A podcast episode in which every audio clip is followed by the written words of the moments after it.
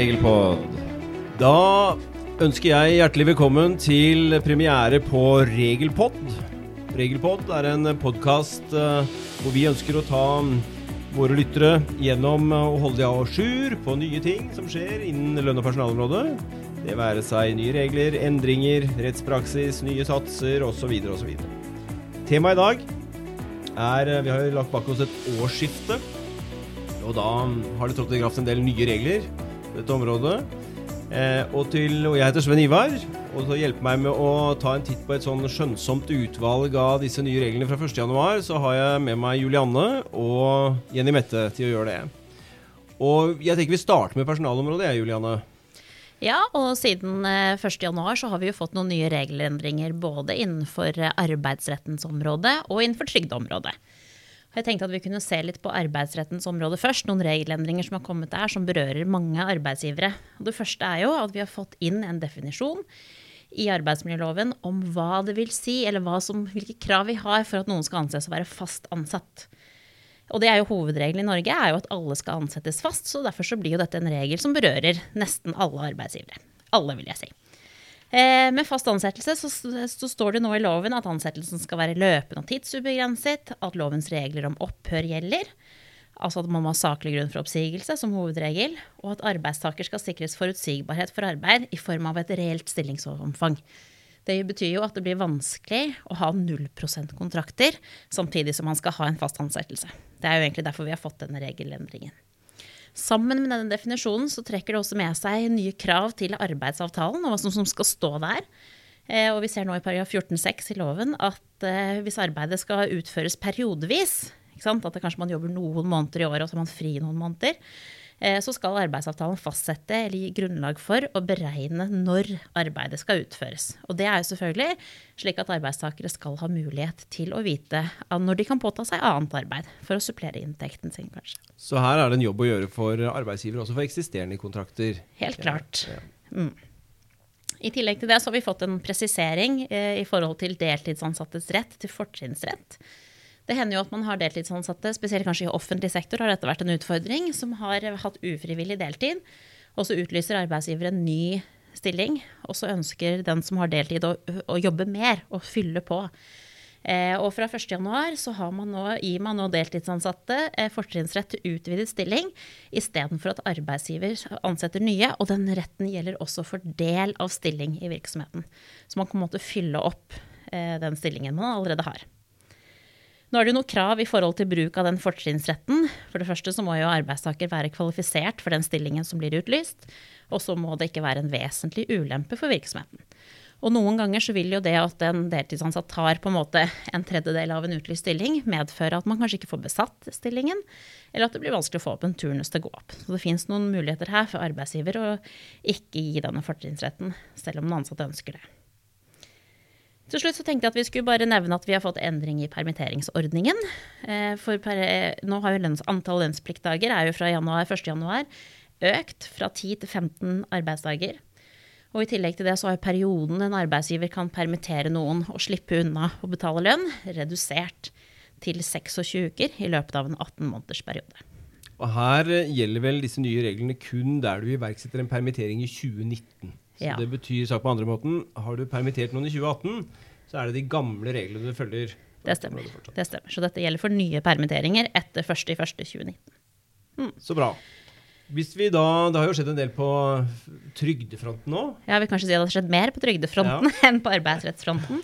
Eh, vi kan jo kanskje starte med endringen i foreldrepengeperioden. I sommer, altså i sommeren 2018 så bestemte man seg at man skulle tredele foreldrepengeperioden. Og fra 1.7 så bestemte man at mødre- og fedrekvoten skulle være 15 uker hver. Eh, og så etter hvert utover høsten så regnet man litt på dette her, og så fant man ut at eh, det ble jo ikke helt riktig hvis man tok, hadde 80% uttak av foreldrepengeperioden. og Derfor så har vi fra 1.1 fått en spesifisering at når man har 80% uttak, så er kvotene på 19 uker per forelder. Hmm. Men den aller største endringen, som kanskje berører aller flest, det er jo at vi har fått nye regler for hvordan sykepenger skal beregnes. Altså det er en ny sånn beregningsperiode. Og det som er viktig for alle lytterne å, å ta inn over seg, er at disse nye beregningsreglene gjelder jo både i arbeidsgiverperioden, altså de første 16 dagene, og også når Nav skal betale sykepenger. Og fra 1.1 så er det jo sånn at sykepengegrunnlaget det skal jo fastsettes ut fra et gjennomsnitt av den inntekten som arbeidsgiver har rapportert i avmeldingen de siste tre månedene før den ansatte blir syk. Hmm. Og det er jo en endring. Fra før så har det jo i utgangspunktet vært de siste fire ukene. Så en lengre snittperiode nå. I tillegg til det at vi har fått en ny beregningsperiode, så har vi jo også fått fra 1.1 en ny digital inntektsmelding som skal erstatte dette tidligere inntektsopplysningsskjemaet. Og ikke bare har vi fått digital mulighet, men vi har også fått digitalt enevalg. Som betyr at det er kun mulig nå å sende inn opplysninger knyttet til disse beregning av sykepenger digitalt til Nav. Så det gamle inntekt- og skatteopplysningsskjemaet, det er historie? Det er historie. Mm. Eh, det er ikke så mange nye felter i den digitale inntektsmeldingen, eh, så dere kommer til å kjenne dere igjen i stor grad. Eh, men det er altså en ny og mye enklere måte å sende opplysningene til Nav på. Dette tenker jeg er kjempebra, fordi Hvis vi ser på tallene fra Nav, så opplyser jo de at de behandler ca. 800 000 saker per år på dette området her. Og til sammen så genererer man da en 5-6 millioner dokumenter. Og av de sender vi arbeidsgivere da rundt 900 000 papirskjema til Nav i forbindelse med den type fravær. Så at vi nå får på en måte digitalisert dette her og automatisert ting, det tenker jeg er toppers. Både en samfunnsmessig opptur og, og, også for oss arbeidsgivere så blir dette enklere, tenker jeg, på dette området. Eh, det åpner jo både for mindre skjønn for meg som arbeidsgiver i forhold til hva en ansatt skal ha i sykepenger. Mindre risiko for at man gjør feil, og sist, men kanskje ikke minst, at man også får inn litt systemstøtte her. Både i selve skjemaet i seg selv, eh, som hjelper oss både med beregninger knyttet til datoer osv., og, og sier fra hvis vi gjør noe galt. Og systemstøtte i forhold til sånn som Visma-lønn og Lillevik-lønn, som jo har tatt dette skjemaet opp i seg og hjelper oss med en del automatisk å fylle ut en del av disse feltene som dette digitale inntektsskjemaet har. Mm, jeg tenker det er helt klar forenkling for arbeidsgivere. Mm. Her har vi mange spørsmål, da. Ja, daglig mange mange spørsmål om, eh, om, disse nye endringene i sykepenger. Så Vi kan starte med, med ett som går igjen, eh, som da typisk lyder omtrent som skal arbeidsgiver kun sende digital inntektsmelding dersom arbeidstaker skal ha sykepenger? Nei, det skal man jo ikke. Det er sånn som med det gamle inntekts- og skatteopplysningsskjemaet at inntektsmeldingen skal også benyttes når man sender opplysninger til Nav i forbindelse med foreldrepenger, svangerskapspenger, omsorgspenger, pleiepenger eller opplæringspenger. Altså ikke bare sykepenger den nye digitaliserte innsendingsformen gjelder. Og det er En annen ting som er viktig å huske på, er jo at eh, foreldrepenger og pleiepenger og opplæringspenger eh, de beregnes jo på samme måte som sykepenger. sånn at disse nye beregningsreglene, selv om vi hører mye om at det gjelder sykepenger, så gjelder jo det faktisk alle disse ytelsene eh, fra Nav. Vil jo få ny beregningsmetode. Og ikke minst viktig for arbeidsgivers refusjon, så ja. at den blir riktig. Mm -hmm. Så her er det litt å sette seg inn i, tenker jeg. Ja, veldig. Eh, det som jo er fint med den digitale versjonen, eh, det som du jo nevnte på, er jo at man blir måte, loset gjennom skjemaet i mye større grad enn det man har blitt gjort før. Og, en, eh, og blant annet så vil man jo se at hvis man på en måte skal søke om sykepenger, så vil jo en del spørsmål på inntektsskjemaet som er knyttet til foreldrepenger, vil jo forsvinne. Eh, og det gjør det nok lettere å første gang få riktig, riktig informasjon inn på skjemaet. Mm. I tillegg til det så er det jo skrudd sammen sånn nå at man får jo feilmelding. Eh, hvis man har sendt det fylt ut uriktig, eller om det på en måte ikke er logisk, det som er fylt inn. Og da får man i noen tilfeller heller ikke sendt inn skjema. Så man slipper den der fram og tilbake med Nav som man kunne ha tidligere da det gikk på papir. Mindre feil. Bl.a. Mm. ved det å telle til 16 når man skal beregne arbeidsgiverperioden. Mange feller her. Det er toppers. Et annet spørsmål som går igjen, det er jo, og mange lurer på hvorfor i all verden må jeg egentlig sende inn dette digitale inntektsmeldingen nå som uh, grunnlaget er Eller man fastsetter stønaden ut fra avmelding og, og rapportert inn inntekt på den måten. Trenger man inntektsmeldingsskjema egentlig? Ja. Eh, det er jo ikke noe tvil om at da avmeldingen ble rullet ut i 2015, så så vi jo for oss at inntektsmeldingen skulle forsvinne helt. Og det er mange mange arbeidsgiver som ønsker seg det. Eh, men eh, når det er sagt, så er det jo sånn at for at Nav skal kunne beregne disse stønadene riktig, eh, så trenger Nav flere opplysninger enn det som fremgår i avmeldingen i forhold til arbeidstakers krav, i forhold til sykepenger og pleiepenger og, og foreldrepenger. Og det knytter seg jo til f.eks. skal arbeidsgiver ha refusjon? Er det en bonus som skal tas inn i sykepengegrunnlaget? Har den ansatt noen naturalytelser? Forsvinner de når man er fraværende? Eh, har man, eller har man hatt noe fravær da, i den perioden eh, som man på en måte søker penger om. Så det er en del opplysninger som ikke ligger i avmeldingen, og som er grunnlaget for at vi må sende inn denne digitale inntektsmeldingen. Veldig bra. Takk skal du ha så lenge, Juliane. Vi, jeg tenker vi har også endringer på lønnsområdet. Og hvis jeg nevner stikkord som uh, personalrabatter, flybonuspoeng, overtidsmat, så tenker jeg du Jenny Mette har litt å fylle på med der. Ja, det stemmer. Fra 1.1 nå i 2019 så trådte det i kraft nye regler om rabatter i arbeidsforhold bl.a. Og hvilke plikter arbeidsgiver da har i forhold til eh, både forskuddstrekkberegning, arbeidsgiveravgiftsberegning og plikten til å rapportere ytelsen via avmelding. Regelendringene går i hovedsak ut på at det er gitt klarere grenser for hvilke personalrabatter som har tilknytning til arbeidsforholdet, og som derfor anses som skattepliktige fordeler. I tillegg er det avgrensa hvem som anses som forretningspartnere. Det er viktig for arbeidsgiver å merke seg at eh, arbeidsgiver kan ha de samme skattemessige pliktene for rabatter eh, som de ansatte da har mottatt fra forretningspartnere og tredjeparter, som i de tilfeller hvor eh, rabatten er mottatt fra egen arbeidsgiver. For å gi en enkel oversikt da, over de nye reglene, så kan vi dele rabattordningene inn i tre kategorier. Og det ene det er personalrabatter, som da er eh, gitt av arbeidsgiver eller tredjepart på varer og tjenester som omsettes i virksomheten. Og hvis det er den eh, varianten, da kan de ansatte motta rabatter til eh, inntil 7000 kroner per ansatt per inntektsår, da, og det vil være skattefritt. Hvis rabattene overstiger 7000 kroner per år, så vil det overskytende være en skattepliktig fordel. Det som er en forutsetning her, det er at rabatten holdes innenfor 50% Så hvis rabatten overstiger 50 av varens verdi, så vil hele rabatten være skattepliktig. Og det gjelder uavhengig av de 7000 kronene i skattefritt eh, beløp. Da. Det som eh, videre er eh, andreordningen, det er rabatter som har tilknytning til arbeidsforholdet ved at rabatten gis via en tredjepart men som da ikke omsetter samme type varer og tjenester som det den egne virksomheten gjør. Typisk da rabattavtaler som arbeidsgiver har fremforhandla hos en tredjepart på vegne av de ansatte. Og det som er viktig å passe på her, det er at den type rabattordninger, der er det skattepliktig fordel fra første krone. Så der er det ikke noe fribeløp å forholde seg til. Eh, hvis vi tar et eksempel da, på den første rabattordningen, så, eh, hvor det da er rabatter som er gitt i eh, virksomheter som omsetter varene og tjenesten sjøl, så kan man jo f.eks. bruke Matsus som et eksempel skifabrikk.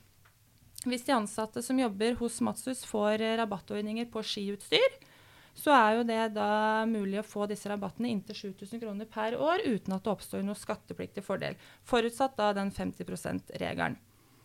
Hvis eh, vi tar da oss i Visma, da, hvis vi som jobber i Visma får rabatter hos eh, Matsus, så er jo det da hos en tredjepart som ikke driver med samme type varer og tjenester som det vi gjør. Og da vil vår rabatt eh, fullt ut være skattepliktig. Da har vi ikke den 7000 kroners grensen å forholde oss til. Når arbeidsgiver skal finne den skattepliktige fordelen, eller finne grunnlaget her, så er det den prisen som er allment tilgjengelig på kjøpstidspunktet, som skal legges til grunn. Så det er det utgangspunktet arbeidsgiver har å gå ut ifra her. Hvis den prisen er rabattert, så har arbeidsgiver lov til å bruke den, fordi den er allment, eh, allment tilgjengelig.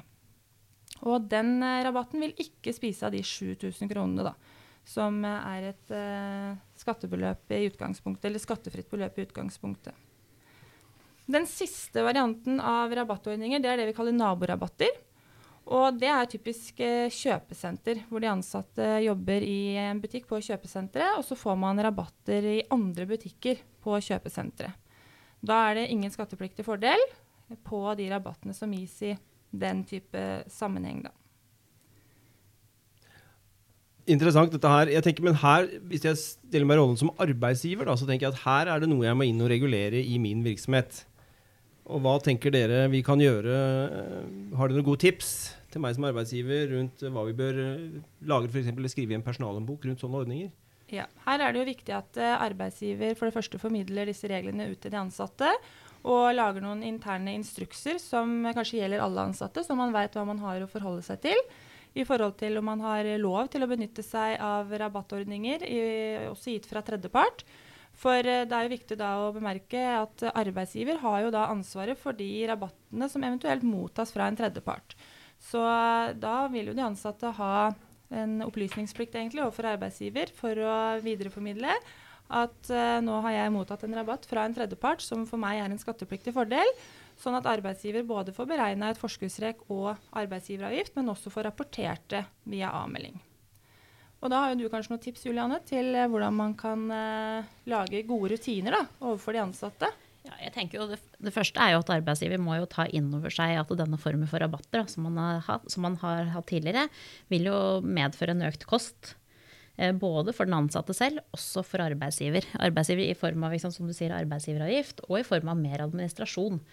Eh, og da tenker jeg at en arbeidsgiver må sette seg ned og vurdere hvorvidt man fortsatt ønsker at de ansatte skal kunne benytte seg av den type ordninger. Eh, og jeg tenker jo at det må jo være innenfor styringsretten til arbeidsgiver å si at i, i, vårt arbeidsforhold så er det ikke lov til å benytte seg av den type rabatter. Mm. Jeg vil i hvert fall kanskje sette noen terskler for det, og gi instruksjoner veldig tydelig i forhold til hvordan dette her skal eh, kommuniseres da, til arbeidsgiver hvis man benytter seg av den type rabatt. Jeg er helt enig, og det mener jeg ligger innenfor styringsretten å fastsette regler rundt det. Um, men det, det, samme du har sagt nå rundt rabatt, gjelder vel også i forhold til flybonuspoeng osv.? Ja, det stemmer. Hvis de ansatte er på tjenestereiser og bestiller seg flybilletter f.eks., så opparbeider man seg jo gjerne bonuspoeng på sånne typer billetter. Og de poengene som er opptjent i tjeneste, hvis de tas ut på private flyreiser, så er også den uh, type poengbruk uh, skattepliktige fordeler. Og Det samme gjelder jo da ved hotell, eksempelvis. Hvis de ansatte overnatter på hotell i eh, forbindelse med tjenestereise og opparbeider seg poeng, som da igjen tas ut på private reiser, så er det jo en skattepliktig fordel.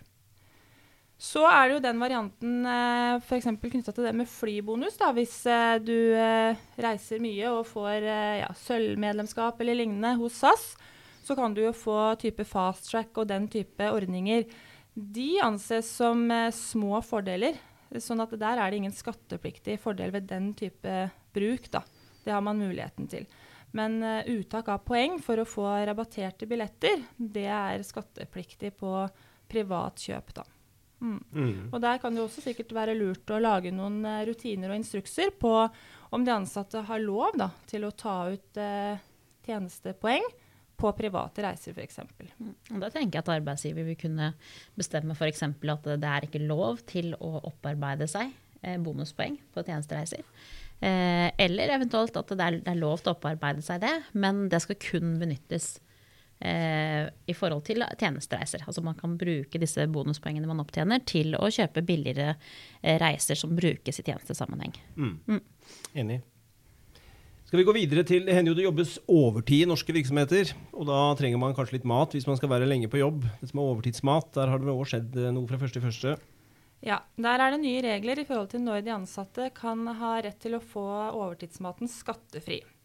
Og det som har skjedd der, det er at det er innført et titimerskrav. Så det betyr at hvis de ansatte har eh, minimum ti timer sammenhengende på arbeidsplassen, så har man rett til å få overtidsmaten skattefritt. Det som har skjedd der, det er at uh, arbeidsgiver har to muligheter da, i forhold til hvordan man dekker den overtidsmaten. Og Det ene er i form av naturalytelse, at arbeidsgiver kjøper inn maten til de ansatte. Eller at de ansatte handler inn maten sjøl og får refundert uh, utgiften i etterkant på bakgrunn av et bilag. Det som er felles for de to variantene, det er at det er innført et uh, maksbeløp på 200 kroner. Så hvis overtidsmaten har en verdi da, på høyere enn 200 kroner, så vil alt overskytende være skattepliktig. Det som også er greit å nevne her, det er at hvis man er innenfor titimerskravet og innenfor de 200 kronene, så er maten skattefri, og da er det ingen plikt til å rapportere. Så da er det rapporteringsfritak, egentlig, da. Den tredje varianten som har vært gjeldende tidligere, det er jo utgiftsgodtgjørelse. At de ansatte kunne få et uh, ulegitimert beløp som de kunne kjøpe mat for. Den varianten er nå fjerna. Så hvis arbeidsgiver opprettholder utgiftsgodtgjørelseordningen, så vil hele beløpet være skattepliktig uavhengig av faktisk beløp. Da. Over eller under 200 kroner vil ikke ha noe å si. Da er hele godtgjørelsen eh, skattepliktig.